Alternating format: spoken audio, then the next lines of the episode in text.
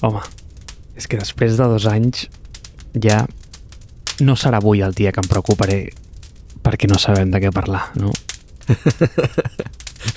Benvingut a la meva realitat. Generalment cada setmana jo no sé de què hem de parlar, vull dir, no sé de què em parles ara mateix.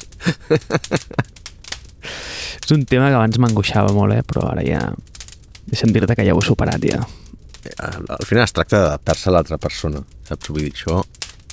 Com qualsevol relació passa, saps? Eh, Diuen que no has d'intentar canviar a l'altra persona perquè aleshores et genera molta frustració.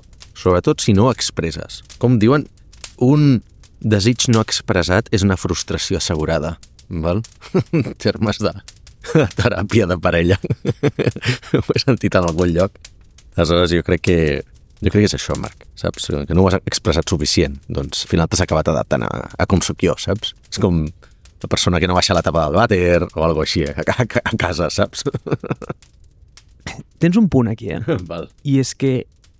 Sí, sí, tens un punt, tens un punt. Encara que no t'ho sembli i, i costi de creure, el tens. I és que jo penso que cada persona cap a fora emet a una certa longitud d'ona. És a dir, la seva energia o, no, no ho sé, com que projectem una cosa cap a fora, d'acord? Eh, Ja radiem, doncs té una longitud d'ona. Però clar, cadascú emet a la que pot i a la que més vol. Llavors, una de les grans habilitats que un pot tenir a la vida és tenir com aquest lector de longitud d'ona per poder llegir l'altra persona i adaptar-se a la longitud d'ona que emet. I això crec que és una mm, propietat sobretot els venedors, els grans venedors generen molt aquesta empatia i són capaços d'entendre a quina longitud d'ona emet la gent i es poden posar com en el seu nivell per trobar-lo als seus termes, no? I llavors és per això que hi ha gent que de cop et sentes amb ells, et poses a parlar i et sents molt còmode. Aquesta gent no és que tinguin res especial, bueno, sí, sí que tenen alguna especial, és que tenen l'aparatet aquest que poden regular la longitud d'ona a la que emeten i emetre la mateixa que tu. Llavors, tio, jo tenia l'aparatet molt oxidat, però amb tu me'l vaig tenir que portar a reparar. I, I ara ja, doncs, bueno, afortunadament ja doncs, hem posat a la mateixa. Llavors ja vinc molt relaxat quan no tenim res de què parlar. Bueno, Estic molt tranquil. aleshores és per, per, pel rol que fa la persona en una empresa o o sigui, la feina que, que porta a terme o és un, una característica de la personalitat? Bé, crec que és una miqueta més. No, sí, és de la personalitat. Val. No, però això et serveix per tot, eh? Per ajudar a creuar una senyora al carrer, com per gravar foc a terra sense tenir ni puta idea de què vols parlar, eh? Vale. Bé, una altra cosa. A veure, ens han demanat que, que fem vídeo, Marc. Com ho farem, això? El vídeo està bé, però el vídeo té molts problemes. Aquests, això ho hem comentat alguna vegada, no? Aquests influencers que sembla com que visquin en una gàbia de vidre on tenen un fons que està perfectament estudiat. De fet, el tio està molt ben perfectament estudiat. No gaire, no gaire. Vull dir, està, bueno, està, està ben dissenyat, mal executat, et diria. Mira, tinc una porta a l'armari que no tanca i es veu... es, veu el desordre que tinc a dins. Però està bé, o sigui, així de fons, bueno, pues el tio s'ha posat aquí com unes mítiques estanteries. Tots els influencers aquests tenen aquestes estanteries a darrere amb tot de llibres que es volen haver llegit però que no s'han llegit absolutament ni un. Tu, jo crec, bueno, t'has ficat tu pocs llibres, que jo imagino que sí que te'ls has llegit. Tens aquí les teves guitarres, les teves coses. Jo no. O sigui, jo tinc la meva habitació, que és la mateixa que quan tenia 13 anys, que no ha canviat absolutament res, i obro l'ordinador aquí, i igual surto aquí avui i demà estic a un altre lloc. Llavors, mm, em faltaria... mm, A nivell de càpex, a mi el vídeo em costaria molt, perquè jo no podria gravar aquí. Necessitaria re reajustar-me una mica l'habitació i comprar-me molts llibres perquè sempre llegeixo un Kindle, així per, per omplir, per fer veure que sóc un tio llegit i aquest tipus de coses. Llavors, és, és curiós, mira, no, no havia pensat en el que és la filosofia dels, dels fons de pantalla de la gent, saps? Vull dir, descartem ja la gent que es posa els, els fons falsos aquests que, que veus retallats sobre un croma, no bàsicament els que s'han posat una, una sala d'estar o alguna així i dius, joder, com ha de ser casa teva, tio, per poder, perquè això es vegi millor, no? Jo que sí que abans de posar una cosa d'aquestes, prefereixo posar el difuminat i au, saps? I el difuminat ja dones a entendre que és, mira, no et vull ensenyar el meu fons de el meu fons d'habitació, però no sé, almenys, tio, no poso una cosa completament generada artificialment, no? Però sí que és veritat que hi ha com uns elements comuns a l'hora de fer el, el vídeo. Jo estic bastant frustrat, eh? Avui estic gravant amb un altre micro precisament perquè estic ja una miqueta fins als ous d'haver de manegar el, el micro aquest que tenia, doncs el, el Blue Yeti amb el... Amb, amb, collons, com es diu? Amb, amb el braç aquest de, de, de micro que queda penjant. Aleshores, si queda penjant i apareix per la càmera, queda el micro molt, molt gran, desenfoca, l'he d'anar movent i traient per cada reunió, no ho sé, tio, he acabat una miqueta cansat després de dos anys. Per això he tornat a un micro una miqueta més senzillet. Però és veritat que els elements comuns que hi ha sempre són molt graciosos, no? Són les, les llumetes de LED, segurament perquè no generen l'efecte del, del, no sé com es diu, de l'enlluernament, bàsicament. Aleshores també, bueno, el, el, els colors són una miqueta més, més amables que una, un foco de llum blanca. Eh, els llibres és bastant curiós. Jo, de fet, m'he quedat amb els, els quatre o cinc únics llibres que no he donat en les mudances vàries que he fet a, de casa. Val? Per què? Perquè al final, hòstia, com, com tu bé dius, jo llegeixo un Kindle i a mi ja em molesta molt el tema de tenir llibres físics, perquè com me'ls regalen, em fa mandra perquè dic, hòstia, tornar a llegir un llibre físic, tio, i, i, i és horrible. O sigui, em costa moltíssim. Després de 10 anys que porto ja amb Kindle, no? I aleshores, però bueno, sí que hi ha tres o quatre que, que, que m'agrada el seu format i tot això, dic, i és que a part són elements decoratius de la hòstia. De fet, l'últim que he afegit aquí és un que vaig comentar fa poc, que era el del Dani Sánchez Crespo, que me la va regalar ma mare per Nadal. I, i és molt bon llibre. I mira, i queda bé per decorar també, doncs fantàstic, saps? Vull dir, ha tingut una utilitat, me l'he llegit, m'ha agradat, així que gràcies, mama. I, i a part, serveix per decorar el fons de la pantalla del podcast. Però més enllà d'això, cadascú ja destila una miqueta la, la seva personalitat quan fica les coses que vol ensenyar. Aleshores, jo també et diré que no mostro sempre el meu fons perquè admeto que és una mica massa friqui per la tipologia de client que puc tenir. És a dir, si oloro, o sigui, en primera reunió no el mostro mai, val? amb un potencial client. Per què? Perquè penso, dic, hòstia, jo què sé, saps? A veure si es pensaran aquí que dona impressió de que no estic en l'oficina, que és clarament això perquè no estic en l'oficina, treballo des de casa, la meva empresa no té oficina, i segon, hi ha massa elements friquis i massa pocs elements de feina, no? Aleshores, diu, no vull donar la impressió contrària que dona la, meva, la pàgina web de la meva empresa. La pàgina web de la meva empresa dona la impressió de l'empresa doncs, més gran del que som, som molt professionals i som molt minimalistes, i en canvi veus, entres al, al, als meus vídeos veus tot amb el fondo que tinc, els jocs de la Mega Drive, merdes de Pokémon, figuretes vàries, les guitarres, bueno, fricades de videojocs, un ampli de, de guitarra i un de baix, tot és molt, molt... i bastant, potser massa, col·lapsat de coses, no? És com bastant contrari, no, no, no ho tinc alineat amb com hauria de ser l'entorn professional. Però clar, d'altra banda, dius, hòstia, al final és casa meva, tio. O sigui, tinc aquest, aquest, aquest, aquest doble aquesta doble tria de dir, què faig? Vull dir, ho decoro com hauria de ser la, la meva empresa i donar el fons que vull donar presentacions de feina o, al final, no deixa de ser com la meva habitació dins de casa meva, no? de, de treballar, però també de friquejar i d'altres projectes, com poden ser Foc a Terra o pot ser qualsevol altra història que munti, no? Per tant, bueno, fins a quin punt vols diluir la teva personalitat en pro de la, de la comunicació que vols fer de la marca de la teva empresa? Mm, però t'ajuda molt també... A mi molts fondos d'aquests m'han ajudat a obrir converses. Sí, molts. A, a, a trencar el gel. Molts, molts, molts. De fet, per això et deia que a la primera conversa no l'ensenyo mai, a menys que... Vale? Ahir vaig tenir una conversa amb un proveïdor de hardware, una empresa catalana especialitzada en, en pantalles que es diuen Landscapes Agency, i vaig veure que el tio tenia una, una consola, un arcade d'aquests típics, vale, de, no, de Street Fighter. De fons de, de, de, de... O sigui, el tenia doncs, perquè la seva oficina tenen això, no? Es dediquen a això, vaig dir, puta mare, doncs ja trec el, trec el, el, el difuminat del meu fons i el mostro, no? O si detecto que l'altra persona també té una guitarra o també té un fons friki. Aleshores, ha petits com, ah, mira, jo també, saps? I una cosa que sí que mm, funciona molt és perdre molt la vergonya a preguntar coses que et penses que poden ofendre l'altre. I et posaré tonteries, eh? però jo què sé, si quedo amb algú i veig que porta un Oura Ring i el veig que el porta i ja penso, mira, aquest tio segur que el tema de, del health i el fitness el porta, bueno, treballat de casa, saps? Si li pregunto per l'Oura Ring, segur que el cabron m'estarà mitja hora explicant per l'Oura Ring i són com els, els millors starters de, de, de, de conversa per trencar el gel amb gent que no coneixes tant, encara que et pensis, hòstia, m'estic ficant una mica en el seu territori mm, allò més íntim, igual em diu, xato, per qui no, no, no passa mai. O sigui, no hi ha hagut conversa en el món on algú li hagi dit escolta, és que, és que no m'agrada parlar de mi mateix. Tio, la gent li flipa. Llavors, no és que li preguntis una mica per ell mateix i algun interès així comú, sempre hi ha una història darrere. Aquest sí que és bastant recommended, eh? Home, Marc, però aleshores el que m'estàs dient és que tu també tens l'empatia del venedor, perquè bàsicament identificar aquest tipus de coses és clau en el, en el món de les ventes, no? Sempre et diuen que et fixis en, en, el, en els primers no sé quants segons, la, la teoria aquesta una miqueta segurament bullshit, eh? però, però dir que en els primers 8 segons ja t'has fet una imatge de la, de la persona amb la que t'estàs reunint, no? per llenguatge corporal, per com vesteix, per com, per com es cuida, com es presenta, l'encaixada de mans, etc etc. no? O sigui, m'estàs dient que si tu ja veus una persona que té un Oura Ring, ja estàs pensant en... ja l'has fet un perfil segurament d'interessos, un perfil inclús socioeconòmic, i també ja estàs pensant en com dirigiràs la conversa. Per tant, ja estàs iniciant un procés de ventes aquí, eh? Vull dir, sobre el manual ho estàs fent a la perfecció.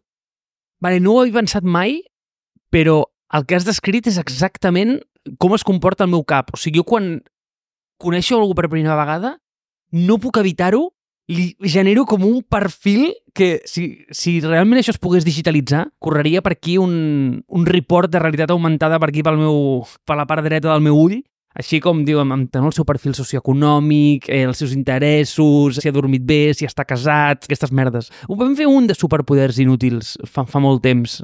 I tant.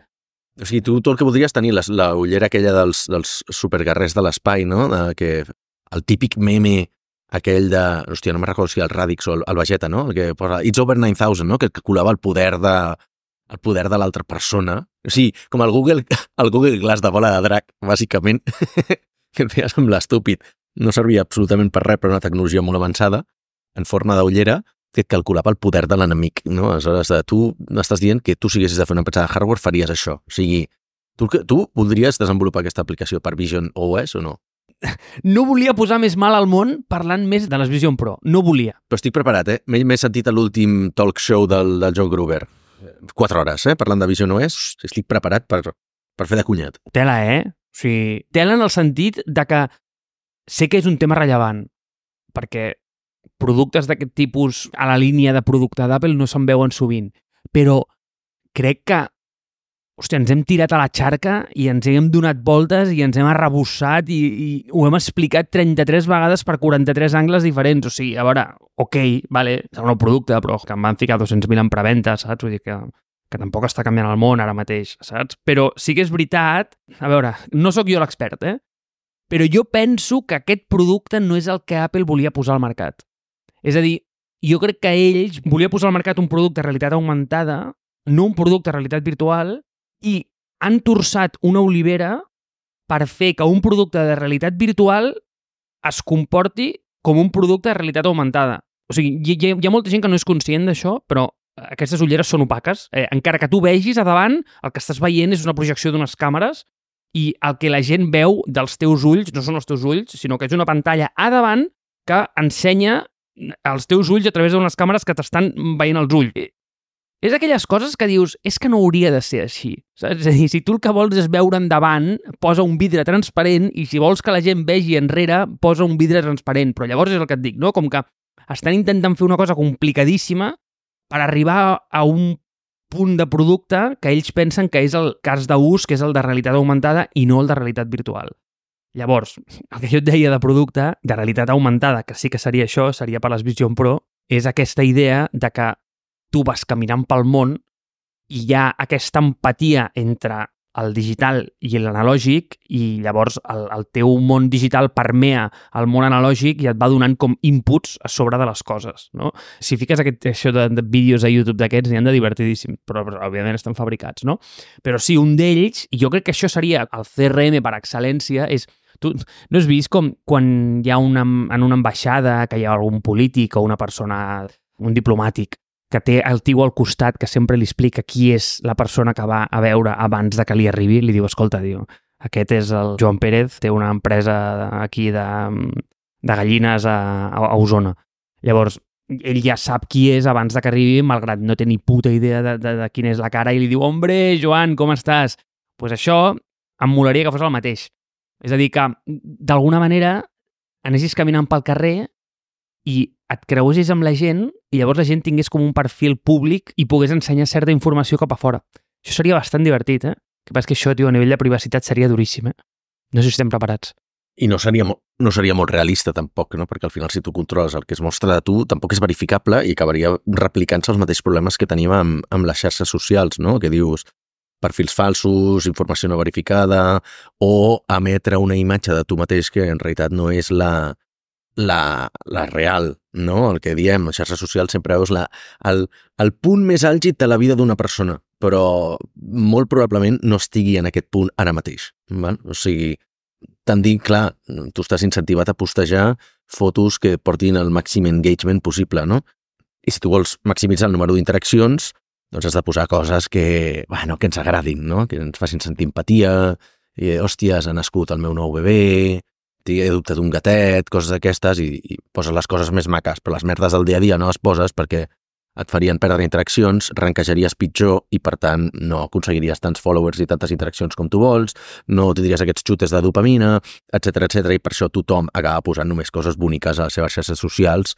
O, o, pitjor encara, tens el cas exactament al contrari, que és la gent que posa coses polèmiques, no? que estan pensades ja per fer, per fer interaccions. Val? O sigui, doncs, coses molt orientades cap a màrqueting o fake news o preguntes obertes, bàsicament. I aleshores acabes construint tots aquests estereotips de, de persones, amb la qual jo m'imagino que acabaríem replicant el mateix problema en la societat, no? Que dius, vale, el que és veritat és que aleshores podries veure i dir, uau, quina desconnexió si poguessis veure el perfil aquest re- realitat virtual, però després comparar-lo la persona tal i com és al carrer i dius, "Mm, home, no ho sé, saps?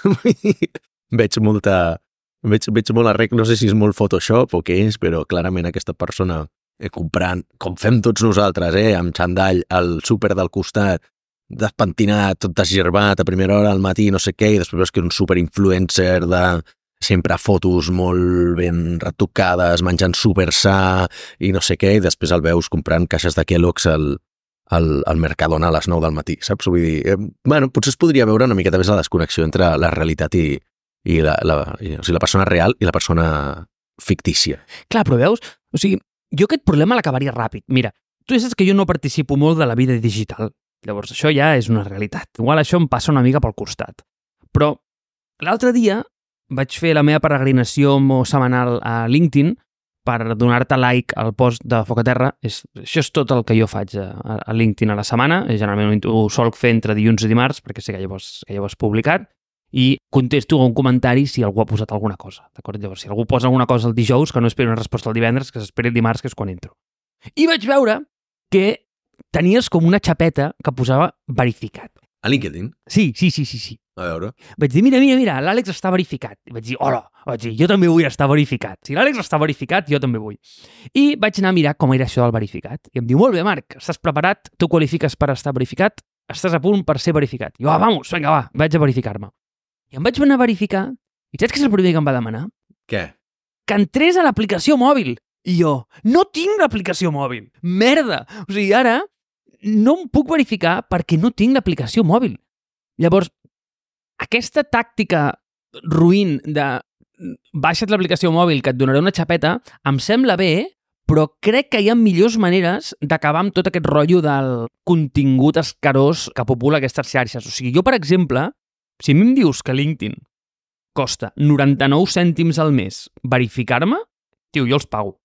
Encara que no el faci servir mai, és igual. En el moment que hi ha una targeta de crèdit pel mig, els teus problemes ja són del primer món. És a dir, ja s'acaben ja. Qualsevol xarxa social, encara que que no fos per monetització, eh? jo faria com... Mira, saps això del Fogassa? Això que et paga quan et foten fora i, i després et paguen, hi ha un fons de garantia i aquestes merdes? Jo faria com un fons de garantia transnacional de xarxes socials. I llavors en allà el que fotria seria 99 cèntims per xarxa social a la que tu vols estar i això ha de servir perquè un comitè d'experts cunyats pensi què collons s'ha de fer en el rumb de les xarxes socials d'aquest planeta i que, que s'ocupin de veure si la intel·ligència artificial ens matarà tots plegats dintre de 3 mesos. Però en el moment en què tu una xarxa social la monetitzes, però eh? ni 99 cèntims, tio, 49, va, 49 cèntims al mes, l'únic que tu tens que tenir allà és una targeta de crèdit vàlida. I tu el que veus allà és gent que ha posat una targeta de crèdit vàlida. Igual que estic dient és una autèntica salvatjada perquè hi ha molta gent que per 49 cèntims són molts diners. M'és igual, tio, va, rebaixem la llindar. Simplement de tenir una targeta de crèdit vàlida. Només que facis això, acabaries amb el 80% dels problemes de trolls i de merdes que estan passant en aquest planeta, eh? Però com, com assegures que una persona... O sigui, a veure, tu pots tenir targetes de crèdit de serveis que no et requereixen la teva verificació. En bancs no, però segur que amb, amb neobancs hi ha maneres de, de fer targeta, o amb certes aplicacions pots fer targetes de crèdit que no són linkades a una identitat. No sé, no... no és un tema que no, que no estic molt versat, eh? Cony, ni jo. No tinc ni idea, m'ho acabo d'inventar, Àlex. Això, això, això per un cantó. I l'altre és que al contrari, que tu també pots transaccionar per una altra persona. Vull dir, jo puc tenir aquesta targeta de crèdit i, i que algú més la doni d'alta. Saps què et vull dir? Si li puc deixar a algú altre perquè ho faci i fer coses en nom meu, per tant no, no ho acabo de veure. He estat mirant lo de, lo de verificació perquè doncs, de cop i volta jo no ho sabia que estava verificat i estic verificat perquè tinc un pertanyo a Startup Grind i aleshores, clar, com que tinc el correu de Startup Grind allà, només per pertany a aquesta organització que ja deu estar verificada pel seu compte, doncs jo he verificat que sóc propietari d'un correu de Startup Grind, per tant ja estic automàticament verificat si soc una persona veritable en aquesta organització però no treu que pugui estar impersonant algú altre en alguna altra, en alguna altra, en altra organització i de fet hi ha com un sistema de xapetes, no? I em posava, i ara mentre ho estaves explicant he dit, va, vaig, vaig experimentar això, i he clicat en el botó de verificar i, i puc verificar també la meva identitat amb una plataforma que es diu Persona, val? Però ja em feia escanejar aquí el passaport i m'ha fet mandra perquè no sé ni on el tinc, el meu passaport, val? però sí, a través de l'aplicació de mòbil, escaneges un QR, t'obre l'aplicació i, i es connecta a persona i bàsicament pot ser aquest tipus de, de gestions. I aquí ho he parat, no?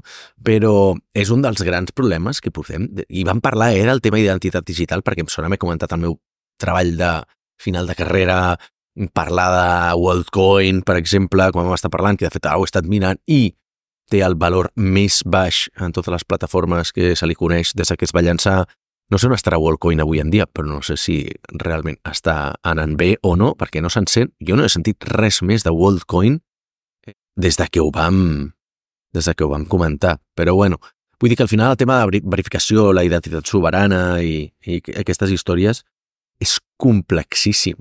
Vull dir, és una cosa que en el seu moment me'n recordo que tu vas comentar que hi havia el tema aquest de la Índia tenia tanta població, però no sé quin percentatge elevadíssim no tenia cap tipus de, de document d'identitat, clar, hòstia, com soluciones aquest tema, no? Com soluciones el tema dels spam bots, de les comptes replicades? Vull dir, el, el mateix Elon Musk, no? tècnicament una de les persones més brillants del planeta, este pan lo aguanta todo, però si una, una de les coses que, que va dir quan va comprar Twitter era que acabaria amb el tema dels spam bots i les comptes falses, i va haver-hi la controvèrsia aquella, perquè si tenies una compte falsa es et podien xapar, i, si, o si posaves el nom que no era el teu real, i de cop volta tothom va començar a posar-se el tema aquest de... Te va dir, hòstia, totes les comptes de paròdia, doncs eh, les xaparem. I què va fer la gent? Tothom posar-se Elon Musk a nom. Hi havia tanta gent que al final van desistir, no? Van començar a xapar comptes, però, però hi havia massa gent, no?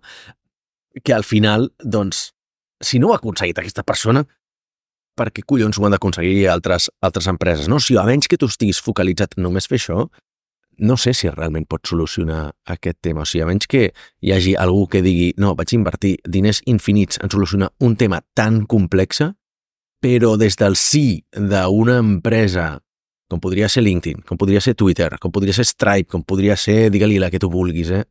voler fer, crear la teva empresa, trobar el seu model de negoci, escalar, no sé què, i a sobre resoldre un altre problema d'una magnitud del, de l'ordre de la identitat digital soberana, jo ho trobo impossible. Val? Aleshores, no sé, per això poso en dubte tot el tema de verificacions, perquè al final hi ha una manera de... En la majoria de plataformes la verificació l'han solventat fent, bueno, doncs paga i et donem la xapeta, no? O sigui, al final, el, el Twitter van desfer-se de tota aquesta narrativa de sí, no? acabarem amb els vots, no sé què, i al final han dit, bueno, mira, la verificació és que tu pagues el Twitter Blue i ja està. I dius, a veure, qualsevol persona que vulgui impersonar algú altre pot pagar els 25 dòlars, no sé, o quan costi 8 dòlars, 10, 20 al mes, i, I ja està verificat? No, és que igual no m'he explicat, perquè t'he posat dues solucions diferents que tu et pensaves que eren pel mateix problema, però no, jo em referia a dues coses diferents. O sigui, una cosa era, primer t'he parlat del tema de la verificació, però després quan et deia de la targeta de crèdit no em referia a verificar-se, sinó em referia a eliminar tot aquest contingut amorf que popula les xarxes, que és super perniciós, i deia com al fet, si per tu tenir el compte mm, et requereixes una targeta de crèdit a la qual has d'abonar re, un cèntim cada mes, per dir una tonteria, això d'alguna manera et limita molt el fet de que tu puguis crear comptes a escala. Però el que m'has fet pensar, quan m'has dit de Wallcoin, és amb quants d'aquests projectes cripto que en el seu moment van tocar el cel s'han anat a la merda. Perquè l'altre dia, també sortint de la meva zona de confort, vaig veure un documental vaig veure el documental de, que és aquest tio de cripto que va treure una, una, una targeta, que era una companyia basada en Miami, que eren, tio, uns criptobros... Bueno, doncs, tio, han fet un documental de, de, a Netflix que es diu Bitcoin, si sisplau, Àlex, o sigui, mira la foto del paio i veuràs la magnitud de la tragèdia. Bitcoin, vale. Sí, un tio sentat a sobre d'una pila de, de monedes amb dos jets privats darreres. Home, sí. Amb una espècie d'àurea de color morat Ok, bona pinta. Sí, bueno, sí, disfruta, eh? Doncs pues això explica la història d'una companyia que es diu Centra. Centra. El que prometia era que podies gastar el teu, les teves cripto amb una targeta de crèdit Val. molt early in the game, eh? O sigui, estem parlant de molt d'hora. Llavors, coses d'aquestes que s'han anat a prendre pel cul i l'altre dia tu em vas passar, ara no recordo quina companyia, i em vas dir, mira aquesta companyia com està. I estava a la merda. I això em va fer pensar amb totes aquestes companyies que havien fet IPO en el seu dia, que ja ningú se'n recordava d'elles, i em vaig fer com una llisteta i, tio, si vols aquí te la canto en directe només perquè vegis com companyies que en el seu dia van tocar el cel i ara les podries comprar per menys que una tassa de l'IKEA. Mira, jo et vaig parlar de 23andMe, correcte? Exacte. 23andMe era una de les que tenia a la llista. Però després jo vaig mirar, diu, Peloton? Sí. Durant la pandèmia, bueno, era el nou Standard Oil. I ara no val ni una figureta d'un Minion. Espera, espera, de Peloton, de fet, el seu equivalent espanyol, que era Volava, Volava Fitness, Sí. que també en el seu moment, bueno, va empatar moltíssim i va aixecar moltíssim capital, segurament per la onada aquesta que van tenir de anem a comprar tot coses online, coses fer a casa durant la, la, el confinament, podria estar errat i em fa molta mandra obrir una nova pestanya del navegador per mirar-ho, eh? però diria que va entrar en concurs de creditors. I enxapat. Mira, imagina't qui sóc i qui he estat, eh? Fa, fa, fa anys entrenava amb un equip de triatló i l'entrenador era professor de volava. I me'n recordo Vale. que jo anava allà al carrer Mandri on tenien l'estudi des d'on es gravava en directe. Ah, El càpex que hi havia allà ja podien haver ja la companyia, perquè tela, eh? O sigui, allà, allà s'hi van deixar calés, eh? vale. Quina més? Quina més tenim? Mira, tenia Asana, mític Task Manager, Probablement, jo diria que aquesta... Bueno, no vols ser inversor de Sana. Amplitud, no la conec. per manegar dades i coses d'aquestes, tres quarts del mateix. Twilio, que dius, home, Sí. una gran companyia, als 2021 tradejant a 400 dòlars, avui en dia et pots fer per ella al mòdic preu de 72. O sigui, coses d'aquestes que s'han anat a la merda i mai més s'han recuperat, és increïble la quantitat que n'hi ha, eh? Sí, de fet, segur que a nivell internacional, Bolt, jo vaig veure Bolt, te'n recordes aquesta? Que era com, havien creat com un dispositiu que era per tu comprar a Amazon, era un botó, era un putíssim botó que tu l'enllaçaves un article de casa teva i quan apretaves aquell botó et comprava automàticament Amazon. És a dir, tu agafaves, dius, compraré un Bolt que serà per les meves fulles d'afaitar, val? i cada cop que se m'acaben les fulles d'afaitar, pico aquest botó i, i em fa la comanda d'Amazon.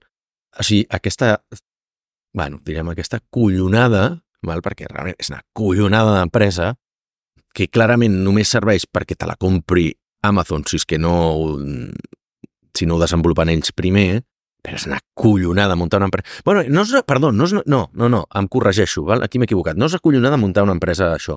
És una collonada muntar una empresa d'això i aixecar la quantitat ingent de venture capital que van fer i fer creure a la gent que això pot ser una empresa del tamany de, de Facebook, ¿vale?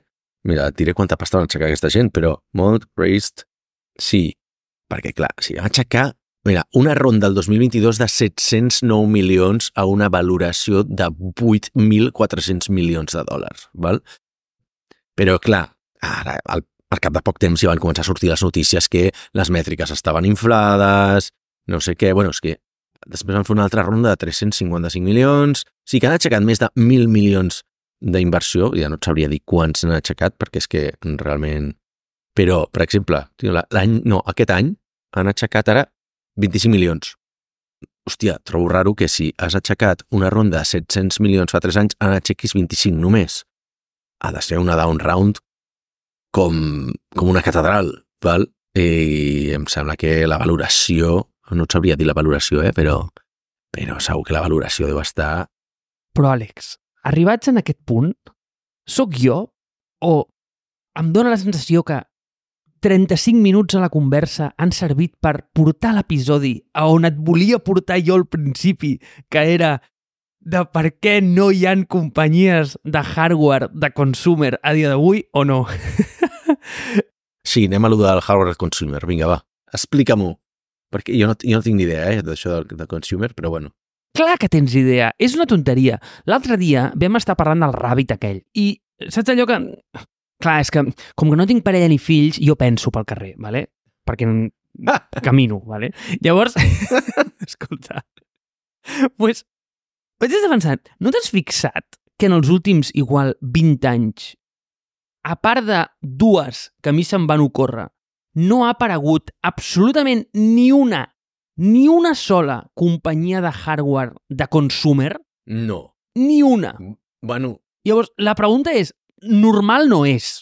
Llavors, per què? Bueno, uh, o sigui, sí, però no tan, tan populars potser com per ser una cosa estàndard, no? Però vull dir, abans has mencionat Oura, és bastant popular. Fitbit i Pebbles i aquestes històries, no? No, no t'ho compro. Fitbit la va comprar Google. Per tant, out. Sí, exacte. És a dir, totes les que surten les, les adquireixen grans competidors. Per exemple, a mi també em venen a cap algunes. Ah, per això, per això.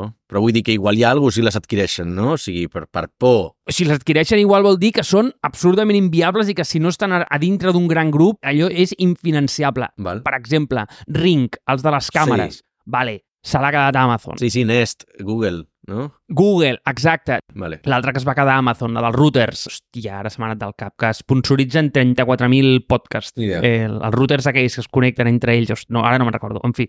Però totes les que ho han intentat i han intentat anar soles se n'han anat a l'autèntica merda. Per exemple, no sé si recordes Jaubon.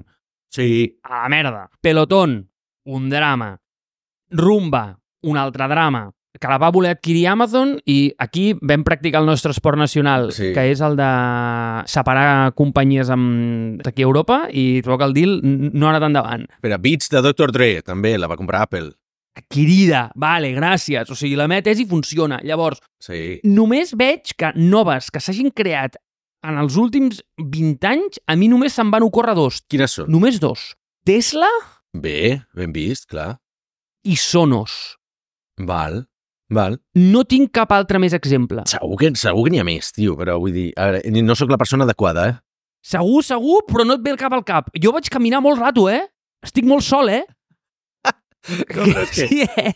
No, no, però perquè jo sóc una persona que no compra hardware. Vull dir, realment, compro molt poc. I només compro de la... Compro Apple i poca cosa més. Vull dir, Clar, perquè no hi ha res més. Nintendo... No, compro Apple i Nintendo. I no et sabria dir res més, tampoc. Vull dir, és que no... no... Però estic convençut que de, deu haver-hi empreses que s'han creat relativament fa poc, potser en el camp del, de l'àudio, vídeo, no sé, tio, El Gato, per exemple, saps? Vull dir, se m'acut, amb, amb el camp de- d'àudio, no sé, tio, els, els, els micros, alguna marca deu haver-hi, saps? De... Sí, no, no, no, però jo estic parlant de coses més transversals. És a dir, estic d'acord que tu pots fer alguna molt nicho, Val. eh, com un Oura Ring, per exemple, Val, val, val, val. o una campanya de Kickstarter per tirar endavant el Playdate, la merda aquella per jugar, que amb, amb el que et dona la gent tu finances i llavors treus una primera edició. Tu dir que hagin creuat l'escletxa, no?, bàsicament? Oh, sí, gràcies. Bo, això exactament volia dir. Quines companyies de hardware han creuat l'escletxa? Jo només n'he sabut veure dues. Tesla I Sonos, en els últims anys, i escolta, vaig pensar durant un rato, però igual algú se m'està escapant, però no vaig ser capaç de pensar-ne un altre. És a dir, cosa que vingui de la mà del hardware i que, evidentment, o A, no hagi cabrat, o B, no hagi sigut adquirida per un gran grup, perquè gràcies, això és exactament el mateix que els hi va passar, i aquí ve un altre exemple, totes les companyies de vídeo. A part de Netflix, no hi han companyies de vídeo que estiguin standalone funcionant elles soles. Llavors, a tothom em dirà i em vindrà «Oh, està Twitch!» Mentida, és d'Amazon. «Oh, YouTube, no sé què!» Mentida, és de Google. Filmin, diran Filmin. Diran Filmin. Però bueno, sí. Estic d'acord amb mitges, però no és dolenta Filmin, eh? És standalone Filmin? No tinc ni idea, perquè és que jo no consumeixo vídeo pràcticament. Però és la que m'ha vingut al cap. Filmin igual és una de les que trenca mm, la norma en aquest sentit perquè és espanyola.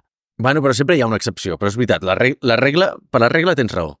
Per la regla tens, tens raó, eh? Però vull dir, no ho sé, sempre, sempre segurament som capaços de trobar una excepció a tot. Llavors, no sé, vaig estar pensant en això i vaig dir, calla, li diràs a l'Àlex i l'Àlex tindrà alguna idea boja d'aquestes que segur que et dirà no, és que no hi ha companyies de hardware per aquest motiu. A veure, jo crec que per, perquè realment per crear una companyia de hardware i competir en el mercat d'avui és molt complicat. És a dir, crear una proposta de valor que tingui l'escalabilitat com perquè et surtin els unit econòmics, és molt difícil veient el nivell al qual està la competència. Exemple, per mi, que Sonos funcioni a dia d'avui és un autèntic miracle. O sigui, intentar competir contra tota la gamma de smart speakers d'Amazon. I sé que no competeixen al mateix mercat, eh? que, que, que Sonos és, un, és una cosa que, diguem que està un, un espai superior a nivell de qualitat de so i venen un, un altre tipus de coses. Però què passa? Que pel 99% de la població li poses un Sonos i al costat un Amazon Echo d'aquests i diuen que no saben notar la diferència i m'incloc, jo sóc d'aquells. Llavors, què fan? Pues no, no es compren els Sonos, evidentment, perquè diuen, per què m'he de comprar una cosa que val 400 pavos si Amazon me l'està donant per 50 i a sobre m'escolta eh, les converses de casa i, i em recomana receptes per cuinar, saps? Coses d'aquestes. I de fet estava pensant en el per què i l'única cosa que se m'acut, i perquè queden 5 minuts, tampoc tenim molt més, eh? però el tema aquest que estiguem tan estandarditzats i que les cases, cada cop entres a casa d'algú, veus que és una còpia de la persona anterior, val? o sigui, tu entres i ja saps quins dispositius té la gent a casa. Val? És a dir, tu entres a casa i saps que tindrà una tele, una consola, diversos dispositius mòbils, té una tablet, probablement tingui una rumba, tingui una, una... com es diu això, hòstia? Surt sempre Mini Pimer, que se'm fa molta broma d'això perquè no és una Mini Pimer, és el, el robot de cuina, val? Però jo no sé per què, tio, mesclo Thermomix, Mini Pimer, vale? Thermomix o equivalent. Uns altaveus. I vas, veus que vas veient que tothom té exactament els mateixos dispositius, que això el que fa és que quan tu vas a casa de gent i veus que afecta, afecta la xarxa, no? Hòstia, si he anat a veure vuit amics meus i set tenen air fryer, el més probable és que jo també em compri una air fryer perquè dic, hòstia, és que tothom la té, no? Doncs l'efecte de la pressió de grup, doncs jo també l'hauria de tenir, no? Coses que a mi no funcionen, eh, però, però sí que és veritat que la majoria de gent li funcionen. Per tant, si tu has de crear una cosa que tu el que vols és creuar l'escletxa aquesta i que passi a ser un producte d'adopció en massa, doncs probablement has de fer alguna cosa que es recomani boca-orella i que t'acabis sentint malament per no tenir-lo. Val? Hòstia, tothom parla d'això i jo no puc... Fan l'enveja aquesta de que no puc participar a les converses quan tothom et diu que, collons, l'airfryer del, dels pebrots, que està tan de moda, no, és que és molt més sa, no? Jo al meu fill ara ja no li dono fregits, doncs tot ho faig amb l'airfryer i clar, les patates que menja doncs estan molt millor. Totes aquestes converses de merda, no? Aleshores, clar, et genera aquesta enveja, aquesta pressió de grup, que si tu acabes volent formar això perquè vols conformar amb la societat, vale? però els punquis com jo doncs ens importa bastant, bastantes merdes. Dit això, però abans d'arribar aquí, has d'arribar a un punt en el que necessitis ten, eh, que, o puguis permetre aquest tipus de distribució. Per tant, has d'haver creat un producte que valgui la pena, un producte l'has testejat molt, l'has optimitzat molt a nivell de materials, o sigui, per arribar aquí has de portar uns, no sé, mínim 5-10 anys de trajectòria per poder arribar a aquests ordres còsmics de magnitud. Per tant, ni puta idea, estic, com sempre, trepitjant aigües molt pantanoses i no vaig preparat pel tema.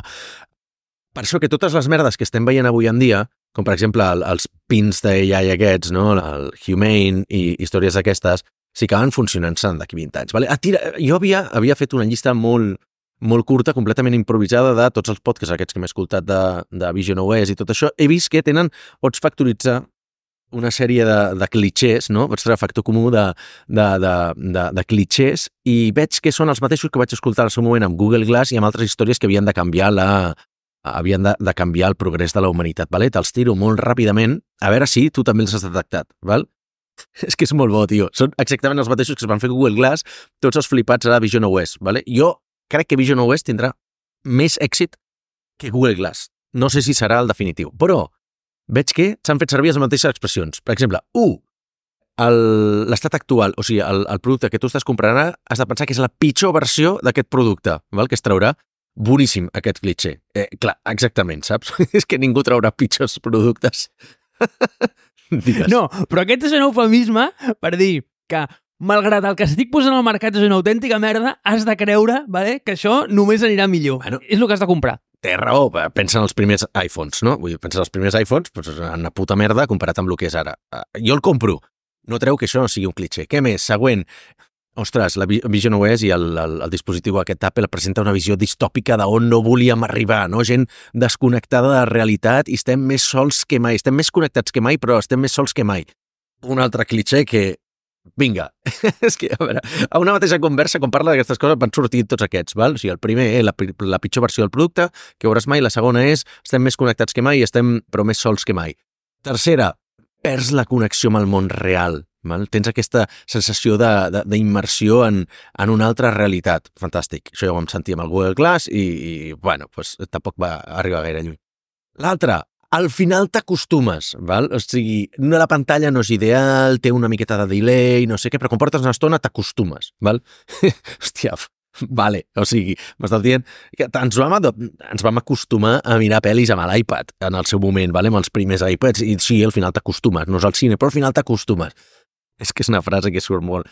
I quina és l'altra que havia apuntat? Ah, sempre hi ha un públic per això, sempre hi haurà un públic per això. Potser no és pel, pel, per la consumició en massa, però sempre trobaran un públic per això. bueno, no, jo crec que empreses com Apple no es dedicaran a anar a aquest públic en concret i si veuen que això no, no pita, doncs ho, ho tancaran, que és com, com haurien de fer. No sé, tio, he improvisat aquesta llista mentre estaves parlant de Vision OS i dic, és que a tots els podcasts i tots els articles que he llegit he vist exactament, és com si anessin reciclant les frases. El clitxer d'estar sol, jo el compro, eh? I, i, i et vaig dir que una de les meves resolucions o... Com, com era? Resolucions? Eren... No, propòsits.